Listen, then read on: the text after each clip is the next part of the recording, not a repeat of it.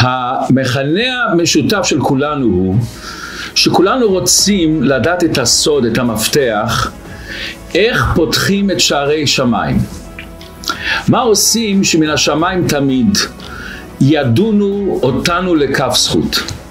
אז היום אם ירצה השם נלמד מה הסוד, מה המפתח של זה.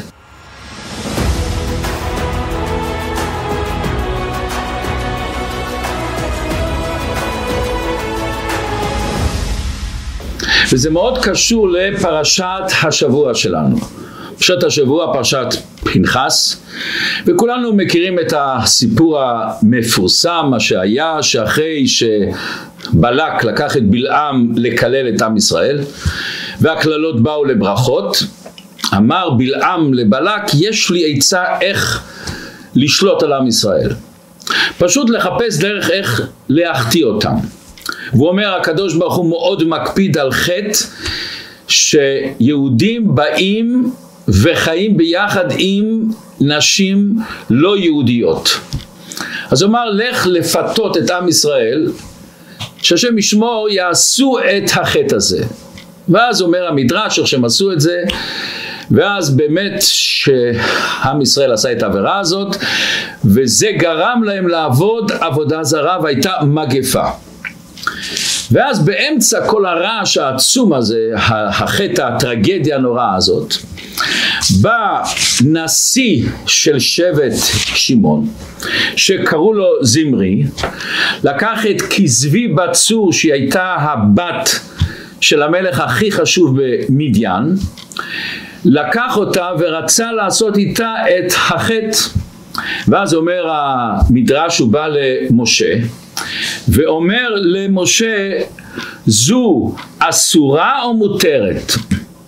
אומר לו משה אסורה היא לך ואז אומר זמרי בחוצפה עצומה למשה אף אשתך אסורה לך הרי אתה לקחת את ציפורה זו מניינית וזו מדיינית מה ההבדל ביניהם? עוד יותר היא בת אבות היא בת של מלך ואתה לקחת את ציפורה שהיא הייתה בת של כומר ומשה רבינו לא ידע מה לענות לו והקדוש ברוך הוא אומר למשה מה אתה בוכה? למה אתה לא אומר לו דברי חוכמה? אומר משה אין חוכמה ואין תבונה נגד ואין עצה נגד השם משה לא ידע באותו רגע מה לומר לו. וכל העם עומדים ובוכים, וכמובן היה הבדל עצום, ציפורה התגיירה, ציפורה הייתה במתן תורה, קיבלה את התורה, ואותו הגויה, בת המלך, הייתה רחוקה מכל זה. ואז עם ישראל עומד בוכה, לא יודעים מה לעשות. ואז נעמד פנחס, ונזכר בהלכה שהוא שמע אצל משה רבינו. הוא שמע שמשה רבינו אמר לו, הבועל ארמית קנאים פוגעים בו. אז הוא בא למשה ואומר, אתה לימדת אותי את זה. אומר לו משה, מי שקורא את האיגרת הוא יהיה השליח, לך אתה תעשה את זה. ואז כתוב שהוא לקח רומח, נכנס לאוהל של אותו זמרי, ודקר את שניהם.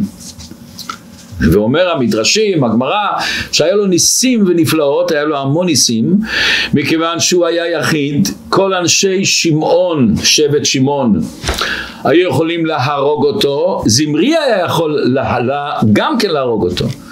ועוד שם אומרת הגמרא המון ניסים שקרו.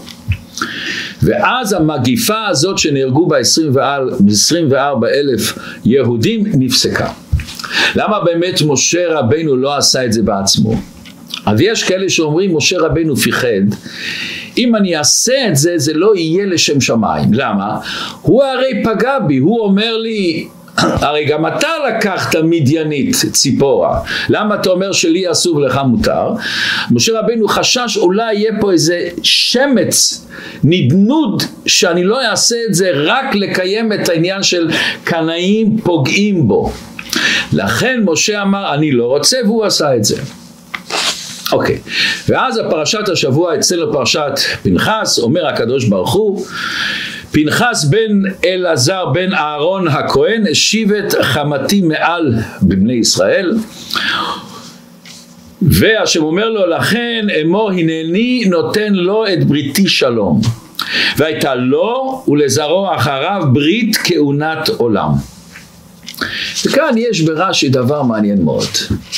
רש"י אומר, מה פתאום התורה הרי כל מילה מדוקדקת? למה התורה אומרת פנחס, בן אלעזר, בן אהרון הכהן? אומר רש"י, ובצורה הזאת אומר המדרש, לפי שהיו השבטים מבזים אותו ואומרים, הראיתם בן פוטי, זה הבן של יתרו, זה שפיתם אבי אמו, יתרו אבי אמו, עגלים לעבודת אלילים והרג נשיא שבט בישראל? לפיכך בא הכתוב ויכסו אחר אהרון. מה זאת אומרת? השבטים צחקו מפנחס. הירושלמי אומר יותר מזה, ביקשו חכמים לנדות אותו אלמלא קפצה רוח הקודש ואמרה והייתה לו ולזרעו אחריו ברית כהונת עולם. זלזלו בו, פנחס, אברך צעיר, הוא עושה דבר כזה, משה רבנו עומד, הסנהדרים עומדים, לא עושים שום דבר והוא, והוא קופץ. אבל פה צריך להבין, ממה נפשך? אם באמת הם חשבו שמגיע לו מיתה, והם ראו שהמגפה נעצרה, אז למה הם לא חיבקו אותו, נשקו אותו, עוד מזלזלים בו? ואם באמת הם חשבו שזה לא בסדר מכיוון שראו את משה וכל, וכל הסנהדרין לא עושים את זה, אז הוא סתם רוצח. מה הם זלזלו בו? שיתרו, האבא של אמו, פיתם עגלים לעבודה זרה. עוד יותר, אם אתה כבר רוצה ללעוג, לצחוק על הסבא שלו מהצד האימא, אומר המחילתא, לא הניח יתרו עבודה זרה בכל העולם שלא חזר עליה ועבדה, שנאמר מכל האלוקים. אז למה אתה אומר שהוא פיתם עגלים? תגיד יותר מזה, הסבא, הסבא שלך היה עובד עבודה זרה, אם כבר רוצים לצחוק. אומר הרב כאן דבר מסר עצום לכל אחד ואחד מאיתנו, ומסר כמו שנראה אחר כך יכול לשנות לנו את כל החיים בהרבה תחומים. אומר הרב ככה, השבטים ידעו שאת ההלכה הזאת שקנאים פוגעים בו, אבל מה זה קנאים? זה שמתכוון לשם שמיים. הם באו ואמרו פנחס מה שהוא עשה את זה היה בתוכו מידת אכזריות. הוא לא עשה את זה כל כך לשם שמיים בשביל הקדוש ברוך הוא. הוא עשה את זה בגלל מידת אכזריות שהייתה בו. מאיפה הוא קיבל את המידת האכזריות? מאיפה אני יודע שהיה לו? הוא קיבל את זה מהאבא של אמא שלו. אותו יתרו, מה הוא עשה יתרו? הוא לא רק עבד עבודה זרה, עבד עבודה זרה, אוקיי.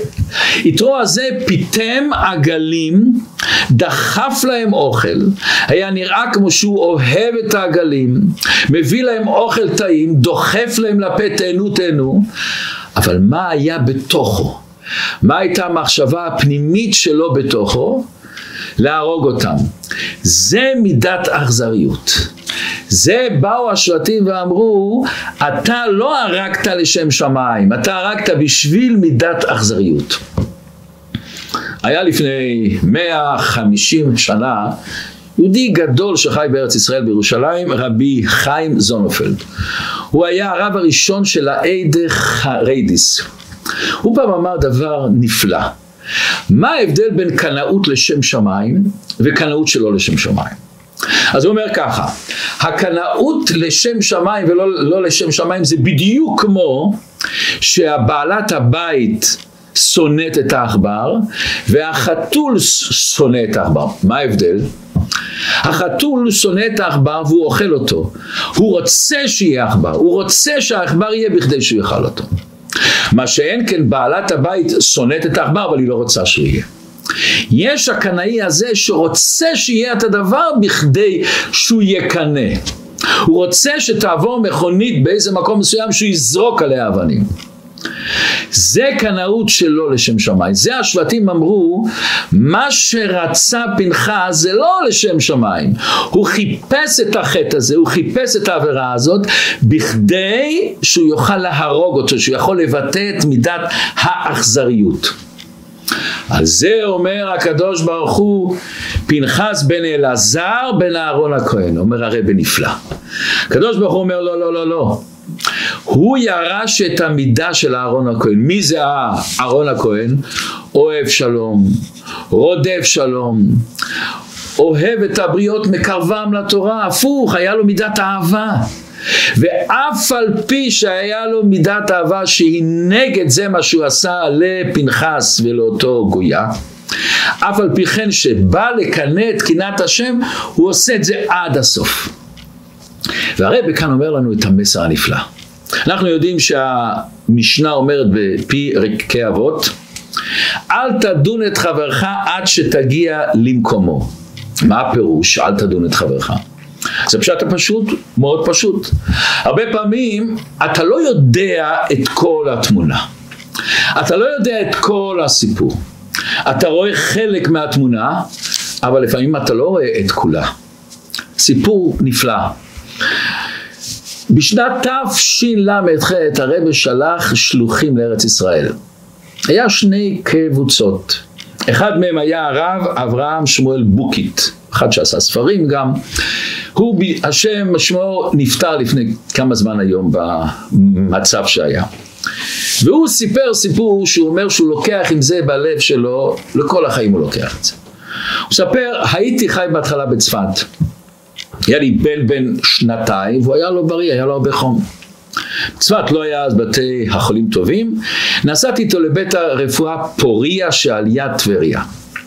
נסענו באוטובוס, בזמנים ההם האוטובוס היה צפוף, היו הרבה אנשים שם, לא היה אוויר, זיעה, הכבישים לא היו הכי מוצלחים, רעדתי, אבל מה אפשר לעשות? ואני מרגיש מתח, מתח בעולם. אני מסתכל מה קורה, ואז אני רואה דבר. בהתחלת האוטובוס עומד זקן, ישיש. רואים לו שקשה לו לעמוד. והוא פונה לאיזה בחורה צעירה שהיא חושבת בספסל הראשון. ואומר לה, קשה לי מאוד לעמוד. אני כמעט נופל, אני מתמוטט, אולי תתני לי לשבת. ואותו בת מביטה, מסתכלת ומורידה את העיניים ולא אומרת כלום. וכל הציבור רותח. ואותו האיש הזה אומר קצת כבוד. זה הדור של הצברים החדש שצומח, לא, שצומח פה בארץ. לא נותנים טיפת כבוד, לא עוזרים, איפה אהבת ישראל? והוא היה כועס. וכל האנשים כועסים. האנשים מתחילים לרדת בעוד תחנה, עוד תחנה, וכל אחד שעובר על ידה מסנן ככה מתחת בושה וחרפה. נורא ואיום. אין לך בושה, נורא ואיום. האוטובוס, התחנה האחרונה הייתה בבית הרפואה פוריה, איפה שהרב בוקט היה צריך לרדת. נשאר רק הוא והיא. וכשהוא רוצה לרדת, הוא רואה את אותו נערה. מוציאה מתחת לכיסא, מתחת למושב של הזוג קביים, ויורדת לאט לאט.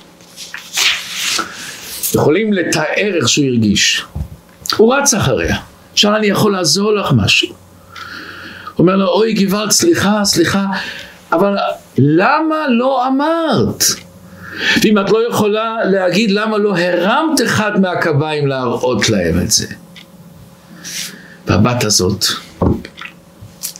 אומרת, רציתי, לא יכלתי, התביישתי, התביישתי.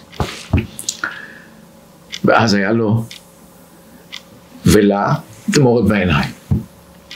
ואז היא אומרת, מותר לי לשאול אותך שאלה? כשאתה ראית שאני לא עומדת, מה חשבת? הורדתי את העיניים, התביישתי. הוא אומר, אחרי שנים, שנים, שנים, הוא אומר, זה היה טיבול ארוך, מייגע, כל הנסיעה הזאת, אבל אני לא אשכח את זה. ואני כל כך נהנה מהטיול הזה, למדתי לקח. הרבה פעמים אנחנו לא יודעים את כל התמונה, אז למה אתה דן את השני? עוד יותר מזה, הרבה פעמים אתה לא בטוח שהשני יודע שהוא עושה דבר שלילי.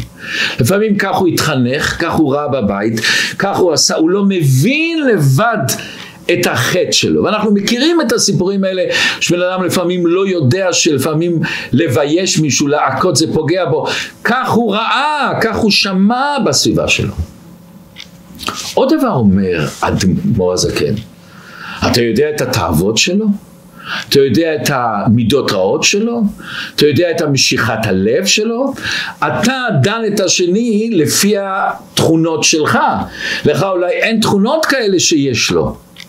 יש סיפור נפלא עמוק מאוד של הברדיצ'בה, וואו. ברדיצ'בה אומר, פעם אחת נכנסו אליו ואמרו לו, שמעת? מה שמעת? יהודי שומר תורה ומצוות, בגיל 70 התנצר ונהיה כומר. גוואל, כולם צעקו איך, איך הוא עושה את זה, איך הוא עושה את זה. זה רק הברדיצ'בר. מה אומר הברדיצ'בר? וואו, אומר הברדיצ'בר. תראו איזה יצרה היה לו.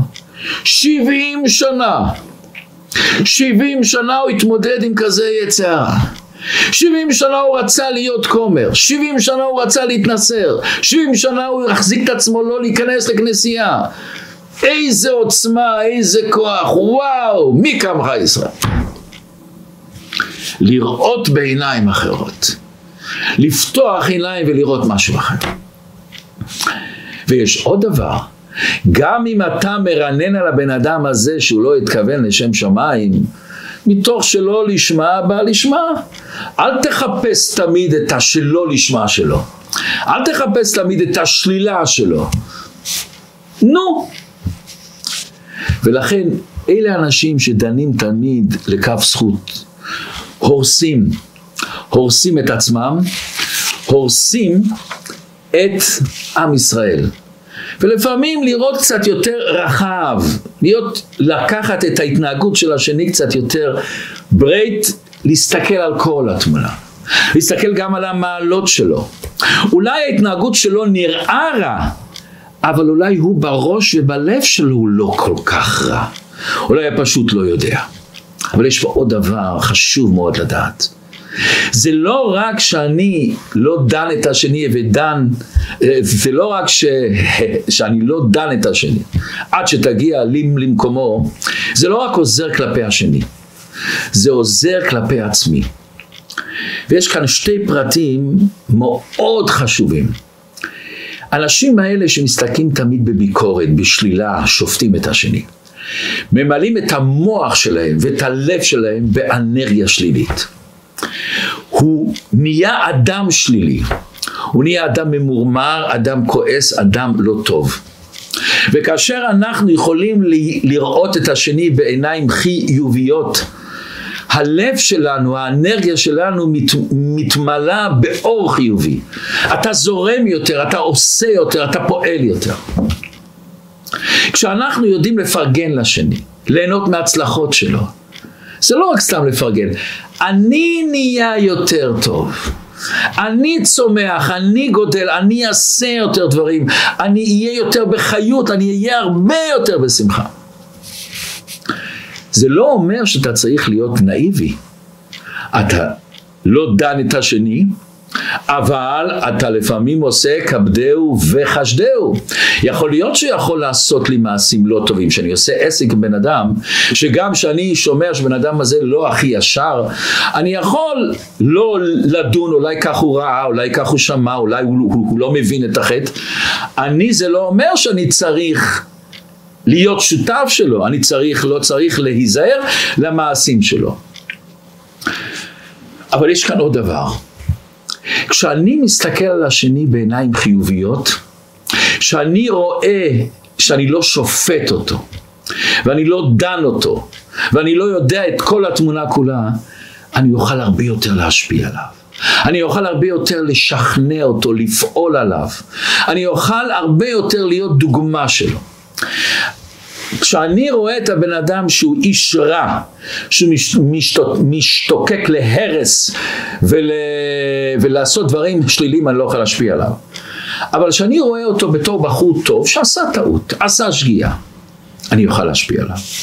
ואם אנחנו רוצים להיות בטוחים בזה, מי יכול להשפיע עלינו יותר? מי שמסתכל עלינו בעיניים שליליות, שאנחנו רעים, מושחתים, לא בסדר?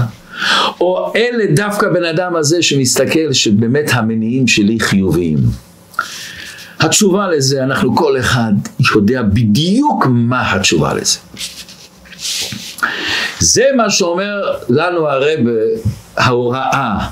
השבטים אמרו, הוא לא מתכוון לשם שמיים, הוא אכזר במידה. דבר ראשון אומר הקדוש ברוך הוא, זה לא אמת, מה שיש לו, מידת אהבה יש לו.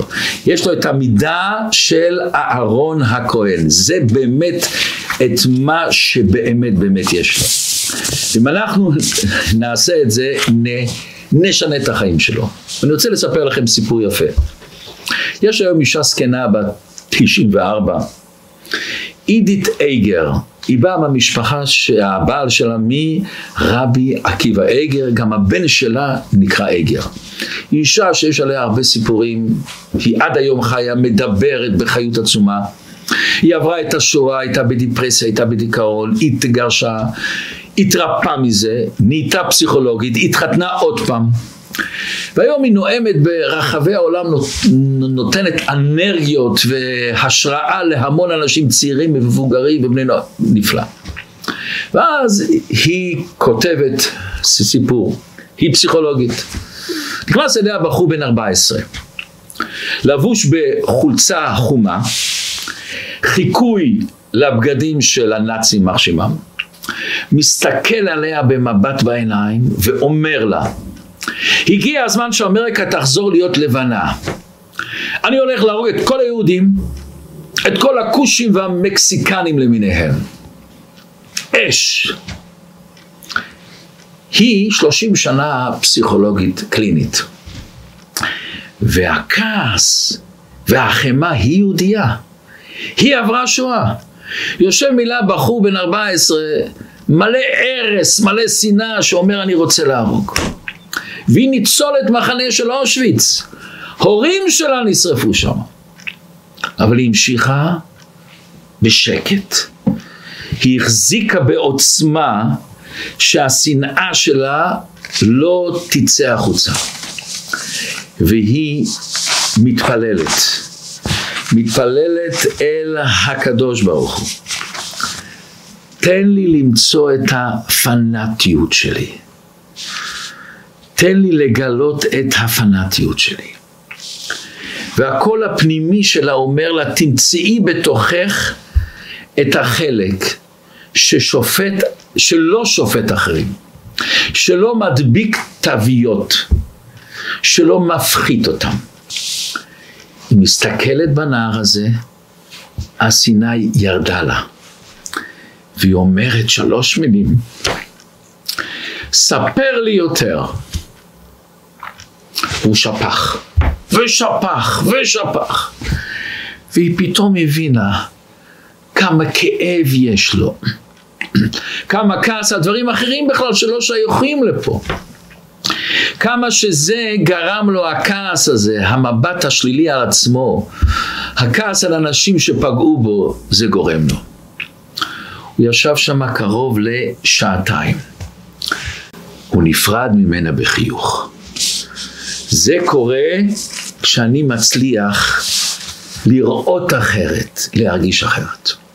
אבל יש פה משהו עוד יותר עמוק. יש לנו עוד משנה, משנה אחת אמרנו בפרקי אבות, אל תדון את חברך עד שתגיע למקום, אבל יש עוד משנה. הווי דן את כל האדם לכף זכות. מאיפה לומדים את זה? רש"י אומר דבר מעניין, כתוב בצדק תשפוט עמיתך. אומר רש"י, מה הפירוש בצדק תשפוט עמיתך? פירוש הראשון אומר רש"י כמשמעו, ששתי אנשים באים לבית דין, שלא יהיה אחד מעריך בדיבור ואחד מקצר, שלא לאחד הבית דין יחייך ולאחד יהיה רציני, שלא אחד יהיה בגדים יפים ובגדים פשוטים ואם אחד עשיר בא אז אומרים לו עוד תיתן לעני גם בגדים כמוך או גם אתה תלביש בגדים כמוך שלא יהיה אחד יושב ואחד עומד בצדק, שלא יהיה לך שום נטייה, אפילו נטייה קלה שאתה אומר לעצמך, לא, לא, לא, זה לא משפיע עליי, גם שזה לא. הפירוש הראשון אומר, הפירוש השני אומר רש"י, הווי דן את כל האדם לכף זכות. ולפי ספר החינוך והרמב"ם, זה מצווה מהתורה. יש כאלה אומרים לרבנן, אבל הם אומרים מהתורה. וכאן באה השאלה עצמה שכל אחד שלומד את זה פעם ראשונה, או שאתם שומעים את זה, זה פלא פלאים. איך אתה מאחד את שתי הדברים? אתה אומר, בצדק תשפוט עמיתך שמה שהביס דין צריך לפסוק על פי צדק. פה אתה אומר, הווי דן את כל האדם לכף זכות. אם אני דן אותו לכף זכות, אז זה לא יהיה בצדק אם הוא חטא, ריבונו של עולם. עוד יותר, יש לנו מצווה הוכיח, תוכיח את עמיתך. איך אני יכול להוכיח את השני אם אני בצדק, אם אני שופט את האדם ודן את כל האדם לכף זכות. ובכלל, איך אני יכול לדון, אני יכול להבין, אל תדון את חברך, אני לא יודע, אני משאיר את זה על ספק. אני אומר שהוא זכאי מצד ספק. אבל איך אני דן אותו לכף זכות אם אני רואה שהוא עשה דבר שלישי, הוא עקץ את השני, הוא גנב מהשני, הוא ביטל את השני, הוא עשה דברים יותר חמורים לפעמים. איך אני יכול לדון אל כף זכות? אני יכול להגיד, אני לא יודע את כל התמונה, אולי זה תכונות שלו, כמו כל ההסברים שהסברנו. וחוץ למה? תשפוט, למה אתה צריך לשפוט? בצדק תשפוט עמיתך ודן את כל האדם לכף זכות. אז רבי כאן אומר דבר, רעיון מפתיע. רעיון שנוגע לכל אחד אחד בחיים שלנו כלפי השני, ועוד מעט נראה כמה שזה נוגע לנו עצמנו. למבט שלנו על עצמנו, לחיים שלנו, שזה יכול לשנות את כל החיים שלנו. אומר הרבי ככה, יש לנו כלל גדול, זה לעומת זה עשה אלוקים. כל הגדול מחברו, יצרו גדול ממנו. תמיד שניהם זה מול זה. האור והחושך זה מול זה. אין הקדוש ברוך הוא בא בטרונ... בטרוניה עם בריאותיו. רוב האנשים שאתה מביט על בן אדם, אתה רואה את מה שבן אדם עושה. אבל אתה צריך לראות את השורש של הדברים, את העומק של הדברים.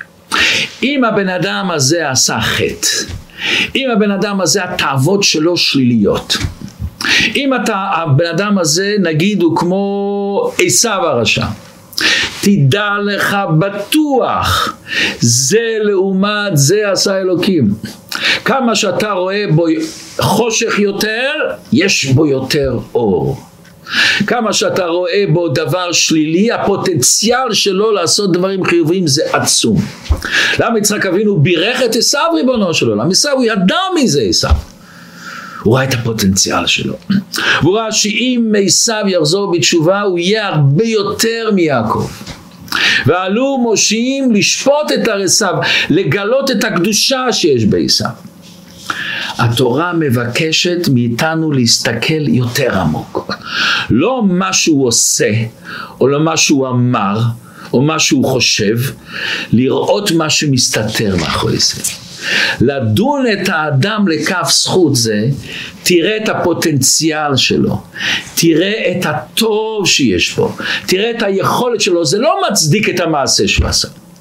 ולכן מאותו פסוק אני אומר בצדק תשפוט עמיתך, את מה אני שופט? את המעשה שהוא עשה. הוא גנב או לא גנב? הוא עשה דבר שלילי, זה הרב צריך לפסוק בלי משוא פנים, בצדק תשפוט עמיתך. ומאותו פסוק בצדק תשפוט עמיתך, אני לא שופט את המעשה, אני שופט את האדם. גם שאני שופט שמעשה הוא לא טוב, אבל האדם, האדם הוא אדם נפלא. האדם יש לו פוטנציאל עצום. וככה אני יכול להרים אותו, וככה אני יכול לזכח אותו. אני אספר לכם סיפור מרגש מאוד. היה בחור, בן 18-19. הבחור הזה בגיל 16 ירד מהדרך לגמרי, בא משפחה חסידית, ירד מהדרך, לא רב היה. ופעם אחת הוא בא למישהו, וכמו שאומרים, שפך את הלב. התחילו לדבר, לדבר, לדבר, מאיפה זה יצא. ואז הוא מספר, כשהוא היה עוד ילד צעיר, התעללו בו, עשו בו דברים לא טובים. ומי עשה? מי הוריד אותו, השפיל אותו? דווקא אחד קרוב משפחה שלו. וכשההורים שלו הלכו מחוץ לבית, מי שמר עליו? דווקא אותו קרוב משפחה. וצחק ממנו וביזה אותו וכולי וכולי וכולי, שאני לא רוצה להעריך. ואז מה שקרה, הוא אומר, התחלתי להתפלל שהוא לא יבוא, שהוא לא יבוא, התביישתי להגיד להורים שהוא מבזה אותי ומוריד אותי, לא רציתי. עבר זמן. והוא המשיך לבוא, פללתי להשם, השם תהרוג אותו. תהרוג אותו, ריבונו שלו. הרגשתי חוטא שאני מתפלל שהשם יהרוג מישהו, אבל לא יכלתי כבר, זה עבר אותי, עבר אותי. ככה גדלתי עם זה פצע עמוק עמוק שנשפך ממנו כל הזמן דם. בחוץ אני הולך עם הבגדים היפים, כל הלבושים, עם גרט, הכל יפה, אבל בפנים רקוב. בגיל 16 ירדתי מהדרך. ואתה שואל למה, אני אגיד לך למה. התבגרתי,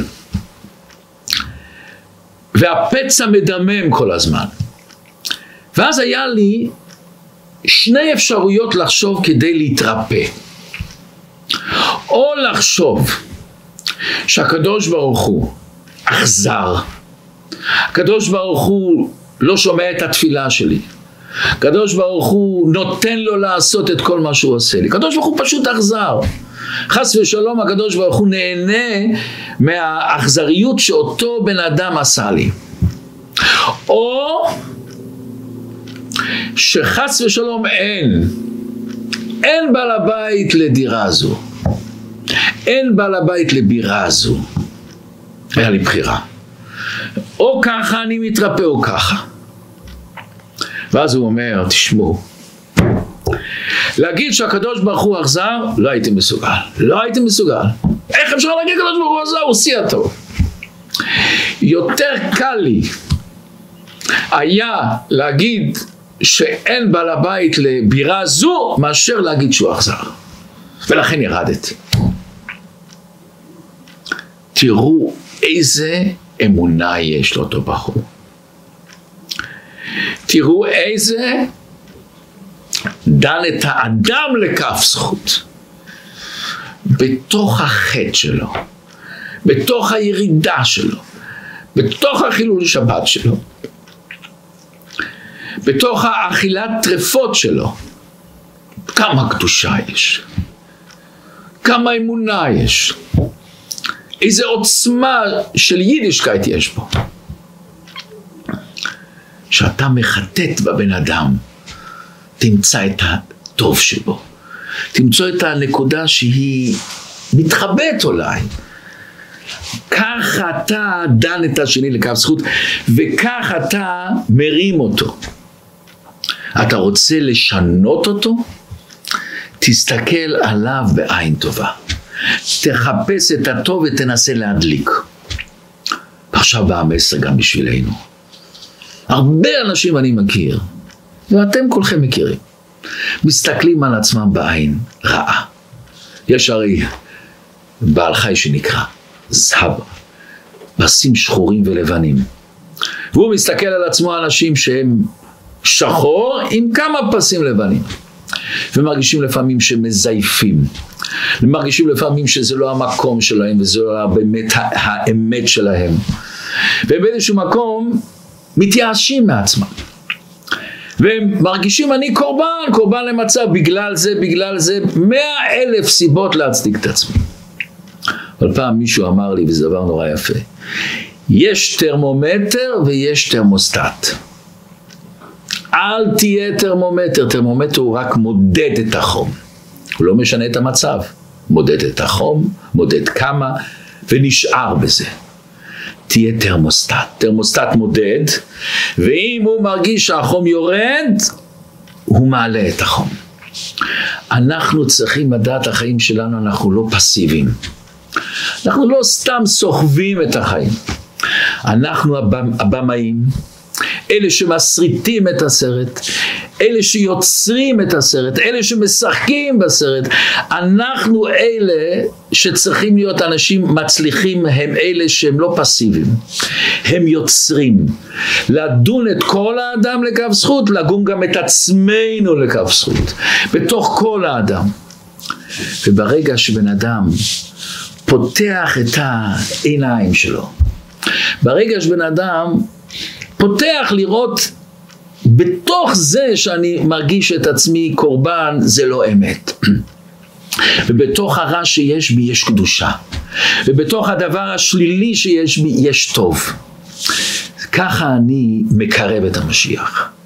ואם לנו דוגמה יותר טובה, נסתכל על הרבי מלובביץ', איך שם הלכו אליו מאות וכנראה מיליוני יהודים והמבט שלו על כל אחד ואחד היה מבט חיובי. ופעם מישהו, זה סיפור ארוך, אבל בקיצור מישהו כתב לרבי, הוא מודה לרבי, שהרבי התייחס ליהודי קטן. אומר לרבי, אין יהודי קטן. כל יהודי הוא גדול. כל יהודי הוא אבן יהלום נדירה שיש אל הקדוש ברוך הוא. ועכשיו נבין מה שהתחלנו בהתחלת השיעור, מה בן אדם צריך לעשות לפתוח שערי שמיים. מה בן אדם צריך לעשות בכדי שבשמיים ידונו אותו לכף זכות. זאת אומרת הגמרא במסכת שבת דף קכ"ז עמוד ב' אומרת הגמרא הדן את חברו לכף זכות דנים אותו לכף זכות אם אנחנו נעשה כל, כל מה שהרבי הסביר לנו עכשיו, איך להביט על השני, איך להביט על עצמנו, ונדון את השני לכף זכות, זה יפתח את שערי שמיים מידה כנגד מידה, יפתחו לנו את שערי שמיים וידונו אותנו לכף זכות. ויהי רצון שבקרוב ממש הקדוש ברוך הוא ידון את כל עם ישראל לכף זכות ויתגלה משיח בקרוב ממש.